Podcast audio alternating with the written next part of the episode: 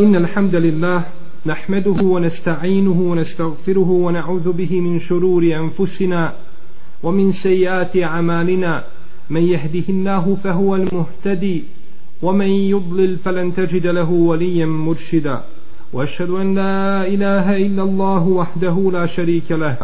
وأشهد أن محمدا عبده وحبيبه ونبيه ورسوله وصفيه من خلقه وخليله أدى الأمانة وبلغ الرسالة ونصح الأمة وكشف الله به الغمة وجاهد في الله حق جهاده حتى أتاه اليقين. يا أيها الذين آمنوا اتقوا الله حق تقاته ولا تموتن إلا وأنتم مسلمون. يا أيها الناس اتقوا ربكم الذي خلقكم من نفس واحدة وخلق منها زوجها وبث منهما رجالا كثيرا ونساء واتقوا الله الذي تساءلون به والأرحام إن الله كان عليكم رقيبا يا أيها الذين آمنوا اتقوا الله وقولوا قولا سديدا يصلح لكم أعمالكم ويغفر لكم ذنوبكم ومن يطع الله ورسوله فقد فاز فوزا عظيما. أما بعد فإن أحسن الكلام كلام الله وخير الهدي هدي محمد صلى الله عليه وسلم وشر الأمور محدثاتها وكل محدثة بدعة وكل بدعة ضلالة وكل ضلالة في النار. Draga moja i cijenjena braćo, uzvišeni Allah tebareke wa ta'ala je objavio أعوذ بالله من الشيطان الرجيم وقضى ربك أن لا تعبدوا إلا إياه وبالوالدين إحسانا i uzvišeni Allah Đelešanuhu naređuje, uzvišeni Allah Tebareke wa ta'ala oporučuje vjernicima da ne obožavaju osim samo njega, njega jednog jedinog Azze o Đel, obil validejni ihsana i da svojim roditeljima dobročinstvo čine. imma je buganne indake al kibere ahaduhuma au kilahuma fala taqul lehuma uf ako dožive kod tebe svoju poznu starost jedno od njih ili oba dvoje nemoj im kazati ni uf jer je to riječ koja ispoljava negodovanje, koja ispoljava nezadovoljstvo bilo njihovim postupkom ili njihovom riječju. Vola tanharhuma i nemoj na njih podviknuti i nemoj sa njima grubo postupati. Vokul lehuma kaulen kerima, reci im blage i nježne riječi, jer su oni najzaslužniji da čuju takve riječi. Vohfid lehuma dženaha dhulli mina rahme, وقل رب ارحمهما كما ربياني صغيرا i ti njima spusti svoja krila poniznosti i kaži gospodaru moj smiluj im se kao što su oni mene odgajali dok sam ja bio mali spusti im svoja krila milosti i poniznosti i moli uzvišenog Allaha Đerlešanuhu da im oprosti jer su oni prema tebi bili milostivi dok si ti bio mali a uzvišeni Allah te barake o teala će se smilovati onima koji su bili milostivi. Pogledajmo samo naše prve generacije kako su se obhodile prema svojim roditeljima. Prenosi se da su neki od njih kada bi jeli zajedno sa svojom majkom nisu imali snage da jedu a da njegova majka gleda u njega. Smatrao je da bi možda zalogaj koji stavi u svoja usta poželjena njegova majka pa kaže nisam mogao da jedem ono što bi možda moja majka poželjela da pojede. Žrtvovao je sebe zbog svojih roditelja. Drugi kada bi razgovarao sa svojim roditeljima kada bi ga nešto upitali pa kada bi odgovarao nisu nikada mogli čuti njegov glas niti njegove riječi. Tako je ponizno govorio tako tihim glasom da je bio nerazumljiv do te mjere je bio milostiv i ponizan svojim roditeljima znajući da njegov uspjeh na Dunjaluku i na Ahiretu ovisi o njegovom odnosu prema ocu i majici pogledajmo samo u Vejsal Karnija koji je došao iz Jemena kako bilježi imam muslim u svome sahihu da je došao iz Jemena u vrijeme halife Omara radijallahu ta'ala anhu pa je Omer izišao pred njega i kazao mu i pitao ga u stvari da li je on u Vejsel Karni pa je rekao da jeste. Omer mu tada reče dovi mi čini mi dovu Allahu Đelešanuhu jer sam čuo poslanika alaihi salatu veselam da je rekao doći će u Vejsel Karni iz Jemena a on ima majku, staricu kojoj je pokoran i dobročinitelj. Pa čini mi dovu da mi Allah Želešanu oprosti da mi Allah Želešanu oprosti zbog tog, tvoga dobročinstva tvojoj majici a mi znamo svi ko je bio Omer radijallahu ta'ala anhu. Prenosi se u vjerodostojnim predajama da kada bi šeitan vidio Omara na jednom putu da bi pobjegao na drugi. Nije smio prići Omer radijallahu ta'ala anhu. No međutim pored toga on traži Omer radijallahu ta'ala anhu zahtjeva od Uvejsal Karnija da mu dovi, da mu dovu čini Allahu Đelešanuhu zbog njegove pokornosti svojoj majici i zbog onoga što je činio od dobročinstva. Prenosi se također da su prve generacije kada bi klanjali dobrovoljne namaze, bilo da se radi o noćnom namazu ili o sunnetima, pa bi ih pozvao otac ili majka da su prekidali svoje dobrovoljne namaze zbog njihovog poziva. Jer je pokornost roditeljima obavezna. Pokornost roditeljima je vađib a klanjanje dobrovoljnih namaza nije vađib i nije obavezno pa se uvijek daje prednost onome što je obavezno nad onome što nije obavezno. Zato je neophodno da čovjek bude dobročinitelj svojim roditeljima cijelog svog života, dok žive na ovoj zemlji i kada presele, kada se vrate svome gospodaru, a za. Kaže uzvišeni ovo sajnel insane bivali dejhi husna وإن جاهداك لتشرك بي ما ليس لك به علم فلا تطعهما إلي مرجعكم فأنبئكم بما كنتم تعملون I Allah Želešanuhu vasijet čini, naređuje ljudima da dobročinstvo čine svojim roditeljima. A kaže, ako te oni budu nagovarali da meni širk i kufur i nevjerstvo činiš, nemoj im biti pokoran. Fala tuti'huma, nemoj im se pokoriti. U drugoj suri kaže Allah Đelešanu وَإِنْ جَاهَدَكَ عَلَىٰ أَنْ تُشْرِكَ بِهِ مَا لَيْسَ لَكَ بِهِ عِلْمٌ فَلَا تُطِعْهُمَا وَصَاحِبْهُمَا فِي دُنْيَا مَعْرُوفًا Nemoj im se pokoriti, ali im na dunjaluku budi dobročinitelj.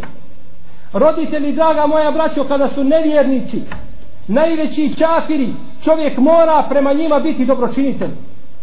Ne smiješ mu se pokoriti pa ti u nevjerstvo otići, ali mu dobročinstvo moraš činiti, jer te uzvišen je Allah Đelešanu time obavezao.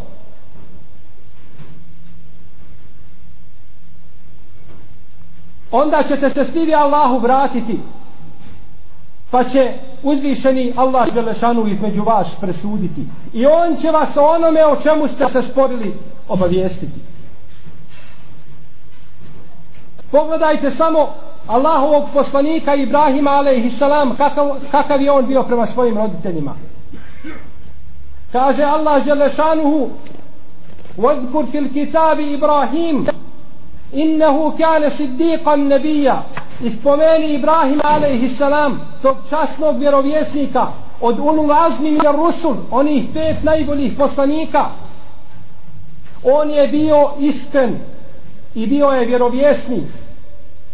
إذ قال ليبيه يا أبتي لم تعبد ما لا يسمع ولا يبصر ولا يغني عنك شيئا kada je rekao svome ocu kaže o očiću moj tako mu se obraća lijepim i blagim riječima a on je nevjernik najveći nevjernik koji ima na zemlji koji je svojim rukama kipove klesao i prodavao pa kaže mu ja ebeti o očiću moj Zašto obožavaš onoga ko ne čuje i ne vidi, niti šta kod Allaha koristi? Ja ebeti inni kad džaeni mine na ilmi male mjeti. Kaže, meni je, o očiću moj, ponovo se obraća, o očiću me, moj, meni je od znanja došlo ono što tebi nije došlo, što ti ne znaš. Meni Allah Đelešanu objavljuje, ne tebi. Fe tebi'ni, slijedi me, ehdike siraten se uija, a ja ću te uputiti na pravi put ako me budeš slijedio. Ja ebeti, o očiću moj, la ta'budi šeitan, inne šeitane kane li rahmani asija. O očiću moj, nemoj šeitana obožavati. U istinu je šeitan bio nepokoran svome gospodaru. Ja ebeti, pa opet kaže, o očiću moj, o očiću moj nemoj obožavati šeitana. I nemoj kaže tako činiti pa da te stigne od Allaha Đelešanu kazna. Inni ahafu en je meseke azabun minar rahman ja se bojim da te ne stigne od Allaha Đelešanu bolna patnja. Fetekune li šeitani valija pa ćeš biti šeitanov prijatelj. I sa njim ćeš skupa u džehennemu biti. Pa mu onda njegov otac odgovara pa kaže Kale eragibu nente an aliheti ja Ibrahim. Kaže je li ti to mrziš moje bogove o Ibrahime? Je ti to mrziš ova božanstva koja svojim, svojom rukom pleše? la in ilnem tentehi la arzumennek ako ne prekineš kaže ja ću te svojim rukama kamenovati. Wahđurni melija idi ti Ibrahime jedan duži period odvojiti se od mene. Nemam ja s tobom ništa. Vidimo kako se Ibrahim a.s. obraćao lijepim i blagim riječima svome ocu. Nije mu kazao u džehennem ćeš i nevjernik si i takav si takav si. Nego mu se obraća lijepim i blagim riječima ne bili se on pobojao i ne bili se vratio. Pa mu kaže o očiću moj o očiću moj i savjetuje ga.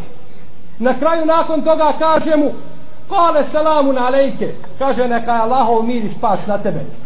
Se stavfiru leke rabbi. Innehu kane bi hafija. Kaže neka je selam Allahov dželešanu na tebe. Ja ću moliti Allaha dželešanu da ti oprosti a on je kaže prema meni bio milostiv. Možda će neko kazati kako je Ibrahim a.s. tražio da dovi svome ocu i da mu moli za oprost kada nije dozvoljeno nevjerniku tražiti oprosta. Kažemo ovo je Ibrahim a.s. učinio u to vrijeme dok mu nije dok mu se nije razbistilo i dok nije saznao o čemu se radi. Pa zato kaže Allah Đelešanuhu u suri Teube وما كان استغفار إبراهيم ليبيه إلا عن موعدة وعدها إياه فلما تبين له أنه عدو لله تبرأ منه إن إبراهيم لأواه حليم kaže i nije istigfar i taj oprost koji je Ibrahim a.s. činio svome ocu nije ništa bio do jedan obični oprost i riječ Ibrahim a.s dok nije saznao da je on pravi i otvoren neprijatelj Allahu Đelešanu. Pa se je potom odrekao svoga oca. Odrekao se je njegovih dijela i njegovih postupaka.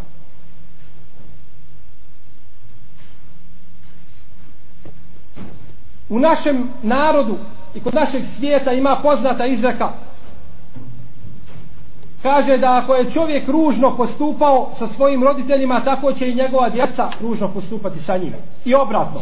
Ako lijepo postupa da će biti. Ovo braćo nije generalno pravilo, niti postoji šerijatski dokaz u tome. Ali vidimo u velikom broju slučajeva, da ne kažem u većini, da se to obistini. Pa pogledajte vi kako se Ibrahim a.s. obraćao svome ocu. Kaže, o očiću moj. Da vidimo sad s druge strane kako se Ibrahimov sin obraća njemu. Pa kaže Allah Đelešanu Kalemma belaga mahu saje Kale ja buneje inni ara fil menami enni ezbahu. Kaže pa kada je Ismail alaihi salam sin Ibrahima Kada je odrastao i počeo mu pomagati u njegovim svakodnevnim poslovima rekao mu je Ibrahim alaihi salam ja buneje, o sinčiću moj, ja vidim u snu da trebam da te zakoljem. Trebam te prinijeti kao žrtvu. Pa kaže, šta ti misliš o tome? Razmisli, šta misliš? Pa je odgovorio Ismail alaihi salam, kale ja ebeti. Kaže, o očiću moj. Ibrahim a.s. je svome babi govorio o očiću moj. Vidimo da Ismail a.s. sada govori Ibrahimu. Kaže, o očiću moj ifal ma tu'mer. Učini ono što ti se naređuje. Se teđiduni inša Allahu mine sabirin. Učini ono što ti Allah želešanu naređuje ti ćeš mene naći strpljivim. Vidimo kakva je to pokornost svome roditelju. Roditelj hoće da zakolje vlasti to dijete a dijete mu je pokorno. Pa je onda to uzvišeni Allah Želešanu sve iskupio sa jednom žrtvom.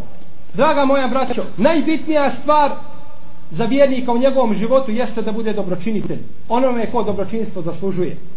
A nema nikoga na dunjaluku i ništa živo što se kreće da mu čovjek treba posvetiti veću pažnju od svojih roditelja. Allahov poslanik alaihi salatu veselam je kazao u hadisu koga bilježi ima Mahmed kaže trojici je Allah dželle zabranio ulazak u džennet. Trojica neće osjetiti džennetskog mirisa niti će se naslađivati džennetskim ljepotama mudminul hamr onaj koji pije alkohol. Wal aku, i onaj koji je nepokoran svojim roditeljima. Od dayud i onaj koji može gledati svoju porodicu da je nemoralna. Zašto neće čovjek koji je nepokoran svojim roditeljima a zašto neće ući u džennet? Zašto neće osjetiti džennetski mirisa i ljepota Jer ta nepokornost izaziva srđbu Allaha Đelešanu. Allahov poslanik sallallahu alaihi wasallam je kazao zadovoljstvo Allaha Đelešanu je u zadovoljstvu roditelja. A njegova ljutnja i srđba je u ljutnji i srđbi njegovih roditelja. Pa kada se na čovjeka njegov roditelj naljuti sa hakom i sa pravom, onda nek zna da je Allah Đelešanu ljut na njega. Pa nek zamisli se i nek misli o svome namazu i o svome postu i o svome zakijatu. Ako je tvoja majka, o Allahov robe ljuta na tebe, ili tvoj otac, a oni pokorni Allahu Đelešanuhu, Jednog dana Allahov poslanik alaihi salatu ve selam je sjedio sa svojim ashabima pa ih je upitao: "Hoćete li da vas obavijestimo najtežim i najvećim grijesima koji postoje na zemlji?" Kazali su: "Hoćemo Allahov poslanice." Pa je kazao: eli šraku billah, da Allahu dželle druga pripisuješ." O kokul validejni i da svojim roditeljima budeš nepokoran. Vidimo da nakon širka nije Allah nije poslanik sallallahu alejhi ve sellem spomenuo ni ubistvo, ni krađu, ni ovo ni ono, nego kaže nepokornost roditeljima. Kao što je u prvom onome ajetu koga smo citirali, kaže wa qada rabbuka alla ta'budu illa iyyah wa bil walidayni ihsana. Allah, gospodar tvoj naređuje da budeš da samo njega obožavaš i da roditeljima dobročinstvo činiš. Pa je ostavio Allah šanu i namaz i post i zekijat i hađi i džihad, a kaže da, da pored ibadeta, pored teuhida tog iskrenog Allahu Đelešanu, da obožavaš roditelje. Tako i da obožavaš Allaha Đelešanu i da dobročinstvo činiš roditeljima. Tako ovdje kaže u ome hadisu najveći grijesi su da činiš širk i da budeš nepokoran svojim roditeljima. Potom je kazao i lažno svjedočenje i lažno svjedočenje i nastavio je tako govoriti i spominjati lažno svjedočenje kažu ashabi da smo kazali da Bog do da prekine time. Došao je čovjek Allahovom poslaniku alaihi salatu veselam kaže o Allahov poslaniče kaže šta misliš? Kaže ako posvjedočim da nema drugog Boga osim Allaha i da si ti njegov poslanik i budem klanjao i zekija davao i nama i budem hađ obavljao u čijem sam ja društvu? Ovaj hadis je zabilježio Ibn Hibban u svome sahihu. Pa kaže ti takav je u društvu ko to bude činio on je u društvu vjerovjesnika i šehida iskreni ako bude bio pokoran svojim roditeljima. Znači možeš i klanjati i posti i zekija davati ako si nepokoran svojim roditeljima nećeš biti sa poslanikom niti sa šehidima nego ćeš biti onda tamo gdje će biti nepokornici a to je u istinu očita propast. Zato su, draga moja braćo, brojni hadisi koji ukazuju na odliku dobročinstva prema roditeljima i stavljaju dobročinstvo prema roditeljima ispred džihada na Allahovom putu. Jednoga dana Ibnu Mes'ud radijallahu ta'ala anhu je upitao Allahovog poslanika kaže koje je najbolje dijelo o Allahov poslaniče pa je kazao Allahov vjerovjesnik sallallahu alaihi wasallam kaže najbolje dijelo koje možeš da učiniš jeste da klanjaš namaz u njegovom vremenu. Kaže potom koje je Allahov poslaniče kaže potom dobročinstvo roditeljima. Potom koje kaže potom džihad na Allahov pa je Allah Đelešanu stavio dobročinstvo prema roditeljima ispred džihada na Allahom Đelešanu putu. Zašto neće čovjek koji je nepokoran svojim roditeljima zašto neće ući u džennet? Zašto neće osjetiti džennetski mirisaj ljepota? Jer ta nepokornost izaziva srđbu Allaha Đelešanu. Allahov poslanik sallallahu alaihi wasallam je kazao zadovoljstvo Allaha Đelešanu je u zadovoljstvu roditelja. A njegova ljutnja i srđba je u ljutnji i srđbi njegovih roditelja. Pa kada se na čovjeka njegov roditelj naljuti sa hakom i sa pravom, onda nek zna da je Allah Đelešanu ljut na njega. Pa nek zamisli se i nek misli o svome namazu i o svome postu i o svome zakijatu. Ako je tvoja majka o Allahov robe ljuta na tebe ili tvoj otac, a oni pokorni Allahu Đelešanuhu.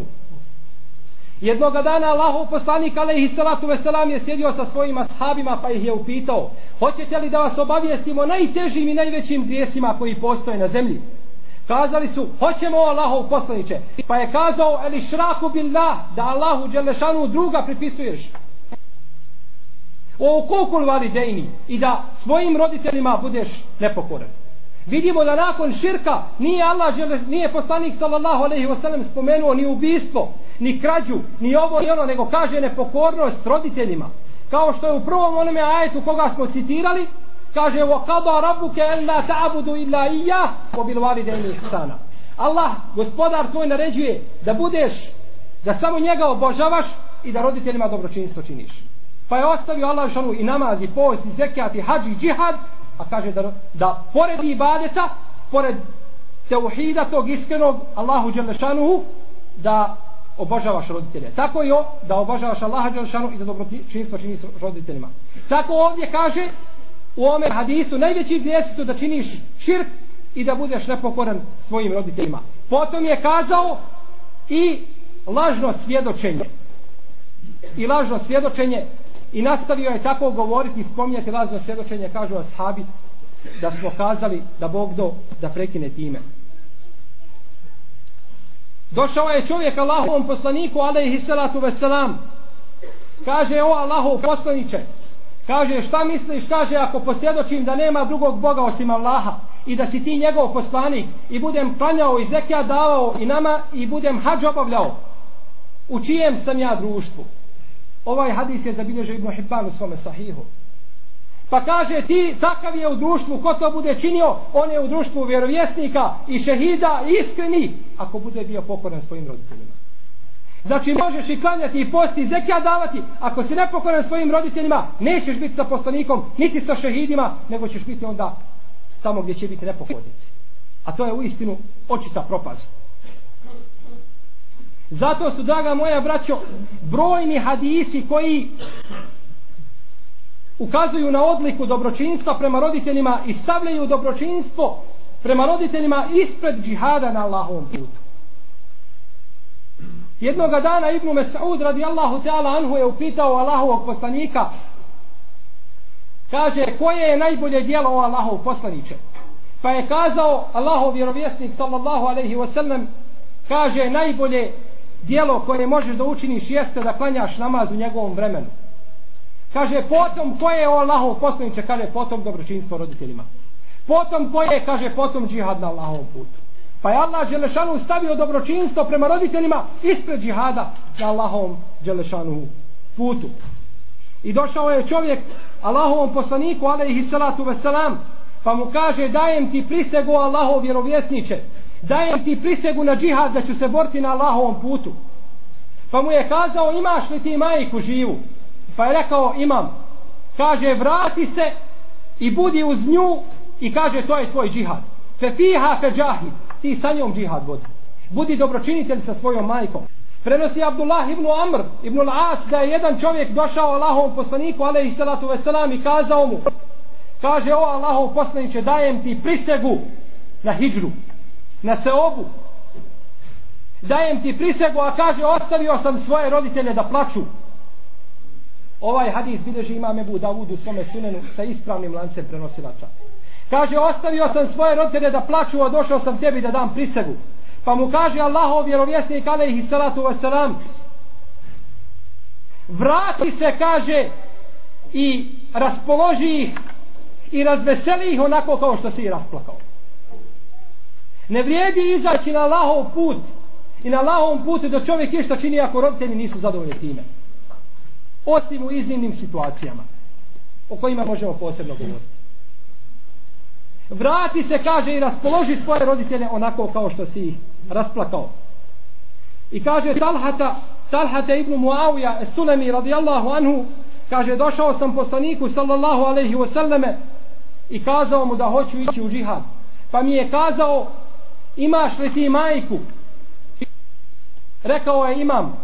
Kaže irđa telzemha fetemmel dženne.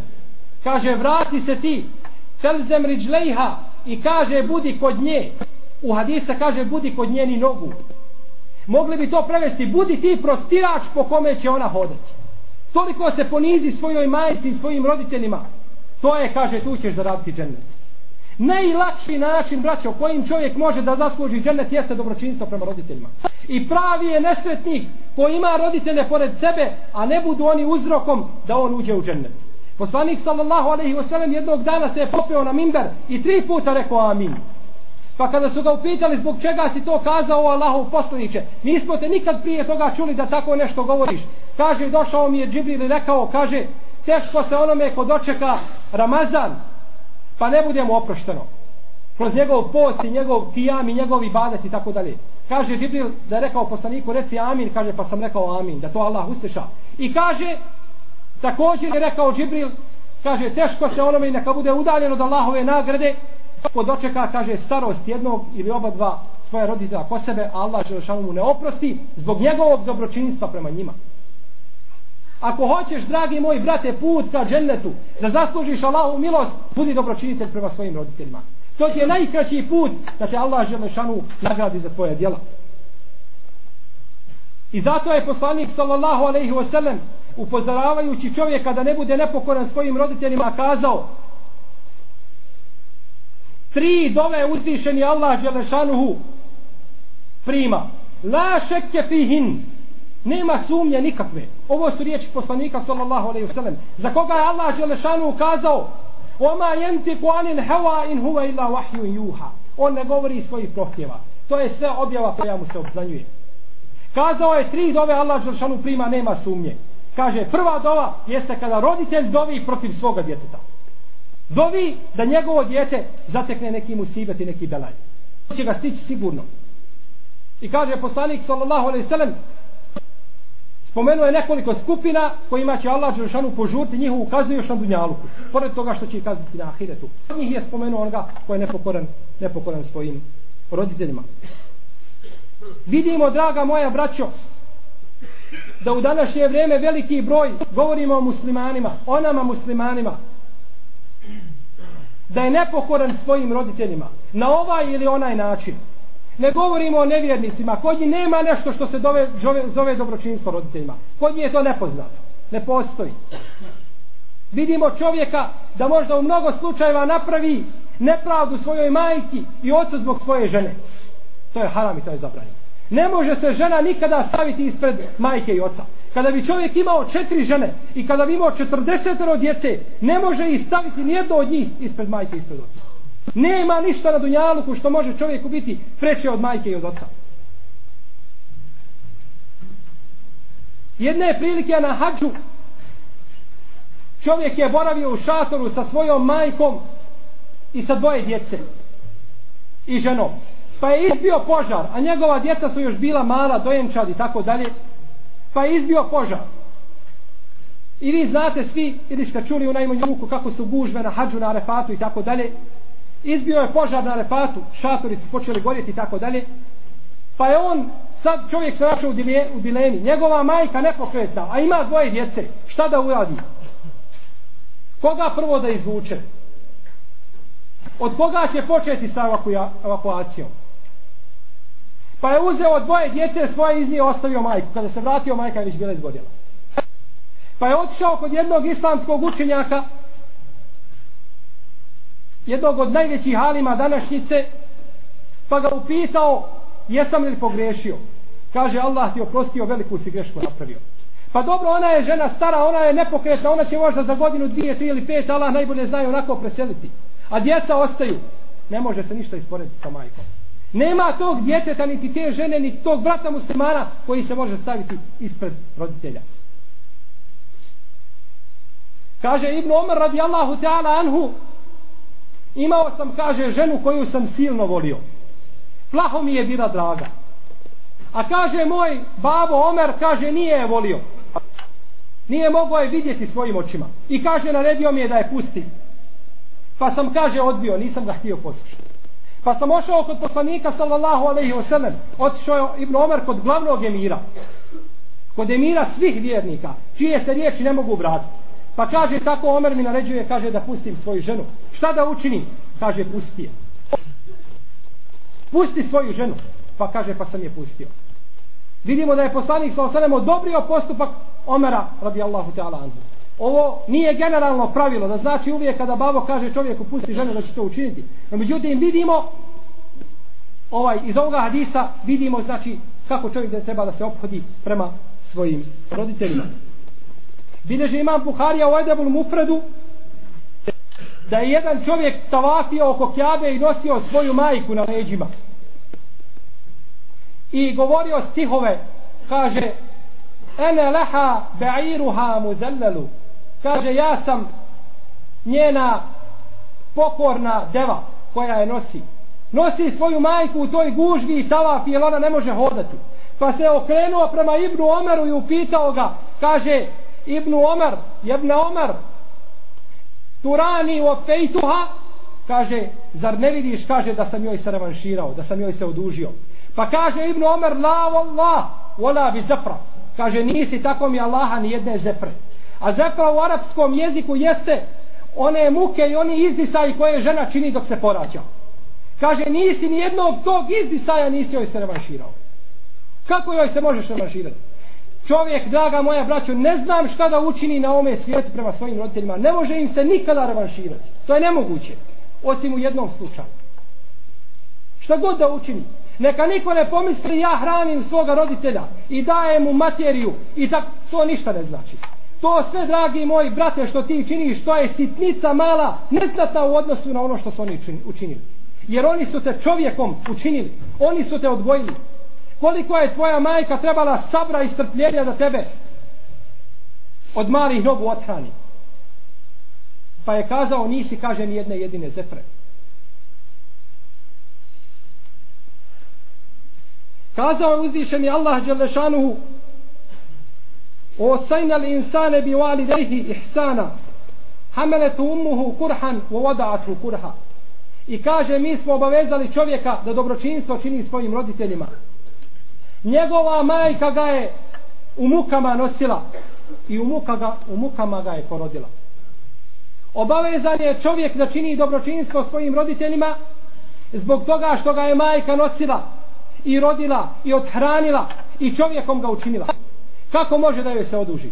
Može da joj se oduži samo u jednom slučaju koga je spomenuo Allahov poslanik alaihi salatu wasalam u hadisu, koga je zabilježio imam muslim. Kada je rekao čovjek se kaže ne može odužiti svojim roditeljima nikada, osim u jednom slučaju, da nađe svoga roditelja, oca ili majku kao roba, pa ga kupi pa ga oslobodi. Jer čovjek koji živi kao rob, kao da je mrtav. Pa čovjek drugi kad ga kupi pa ga oslobodi kao da ga je oživio. E tad se čovjek jedino revanširao svome svome roditelju. I zato je uzvišeni Allah te barak je o teala učinio da posebnu nagradu ima roditelj kada njegovo dijete malo preseli vrati se Allahu Đelešanuhu kaže Allahu vjerovjesnik sallallahu alaihi wasallame kaže vaša djeca koja mala umru su, kaže, džennetske ptice. Jedno od njih će sresti svoga roditelja na sudnjem danu, kaže, pa će ga uzeti za odjeću i neće ga pustiti dok ga ne uvede u džennet. Neće dati, Allahu Đelešanu će kazati, gospodar moj, ovo je moj roditelj i neću ga pustiti dok ne uđe sa mnom u džennet, pa će i Allah Đelešanu uvesti u džennet. Na sudnjem danu doći će čovjek pa će mu Allah Đelešanu staviti krunu počasti na njegovu glavu čiji jedan biser vrijedi od Dunjaluka i svega što je na Dunjaluku. Pa će kazati odakle je meni ovo Allaho, o uzvišeni gospodaru. Ja to nisam zaslužio. Pa će mu Allah Đelešanu nakon toga odjevnut će ga u ogrtač počasti. Pa će kazati, a otkud mi ovo? Pa će kazati, to je, kaže, zbog dobročinstva toga djeteta koje je činio učeći Kur'an i radeći po njemu. Zato čovjek, draga moja braćo, ne smije zaboraviti dobročinstvo prema roditeljima ni nakon njihove smrti. Ibn Omar radijallahu ta'ala anhu je jedne prilike izišao iz Medine, pošao je za Meku. Pošao je i poveo je sa sobom devu i magare pa je jednom jahao na ovome, a drugo se odmaralo i tako, da bi mogao znači konstantno putovati. Pa je sreo jednog pustinjaka i upitao ga, kaže, za ti nisi sin toga i toga? Rekao je, jesam. Pa je rekao, uzmi, kaže, ovo magare i dao mu je crvenu kap, jednu crnu kapu koju je imao, koju je stegnuo oko svoje glave. Jer u tim predjelima gdje su velike žege, neophodno je da čovjek pokrije glavu. Pa mu je to dao, a on je išao dalje od krivene glave.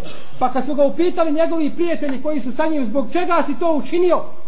Kaže, tako mi Allaha čuo sam Allahovog poslanika da je kazao, najbolje dobročinstvo koje čovjek može da učini, kaže, jeste da bude dobar sa prijateljima svoga oca. Otac je ili majka imali prijatelje, pa su preselili nakon toga najbolje dobročinstvo koje čovjek može učiniti svojim roditeljima nakon njihove smrti jeste da bude dobar sa tim ljudima. Pa mu je dao znate šta znači da ga moja braća u tim predjelima dati jahalicu svoju? Znači ko čovjek koji kada bi imao sada dva prevozna sredstva kamiona ili automobila i tako dalje i dođe čovjek i on mu pokloni jednu. Pokloni mu svoga Mercedes e tako je Ibn Omar postupio. Kaže, a kaže njegov otac je kaže bio prijatelj moga oca. Sjetite samo, samo poslanika sallallahu alaihi wasallam koji je uvijek kada bi zaklao žrtvu poslao bi onim prijateljicama od Hatidže radijallahu ta'ala anha uvijek bi nešto poslao. Pa je Aisha radijallahu ta'ala anha druga žena poslanika bila ljubomorna.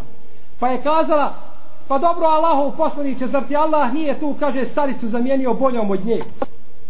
Ja sam mlađa i lepša. Pa je kazao poslanik naljutio se i kazao tako mi Allah nikad nije kaže poslanik nije zamijenio boljom. Pa kaže Ajša, kaže, nikad mi više nije nampalo, kaže, da uvrijedim Hatidžu. Vidimo kako je poslanik sallallahu alejhi ve sellem postupao sa prijateljicama, jeli svoje svoje žene. I doći će čovjek na sudnji dan i uzvišeni Allah dželešanu će ga dignuti velike deređe, na velike deređe i velike stepene, pa će upitati odakle meni ovo o Allahu poslanice, kaže to je zbog istikvara i oprosta koje je činilo tvoje dijete tebi. Znači svaku stvar, draga moja braćo, koju čovjek uradi, njegov roditelj ima korist od te stvari. Dobročinstvo prema roditelju. Ne mora tu biti nekakav ni poseban nije. Šta god da učiniš tvome sa roditelju piše dobro. Ali danas vidimo među muslimanima možda onih koji kada bi njegov otac kada bi ustao iz zemlje pa vidio što čini ponovo bi umro zbog toga što vidi ono što čini. Zbog njegovog posla.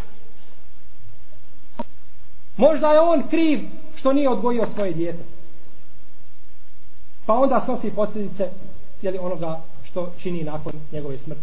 Molim uzvišenog Allaha Đelešanu da nas učini od, dobro, od dobročinitelja našim roditeljima, da nam najbolje učini naša zadnja djela i da nas spoji u dženetu sa našim poslanikom, ali i sratu wasalam, wa sallallahu ala sidna Muhammedu wa ala alihi wa sahbihi wa sallam,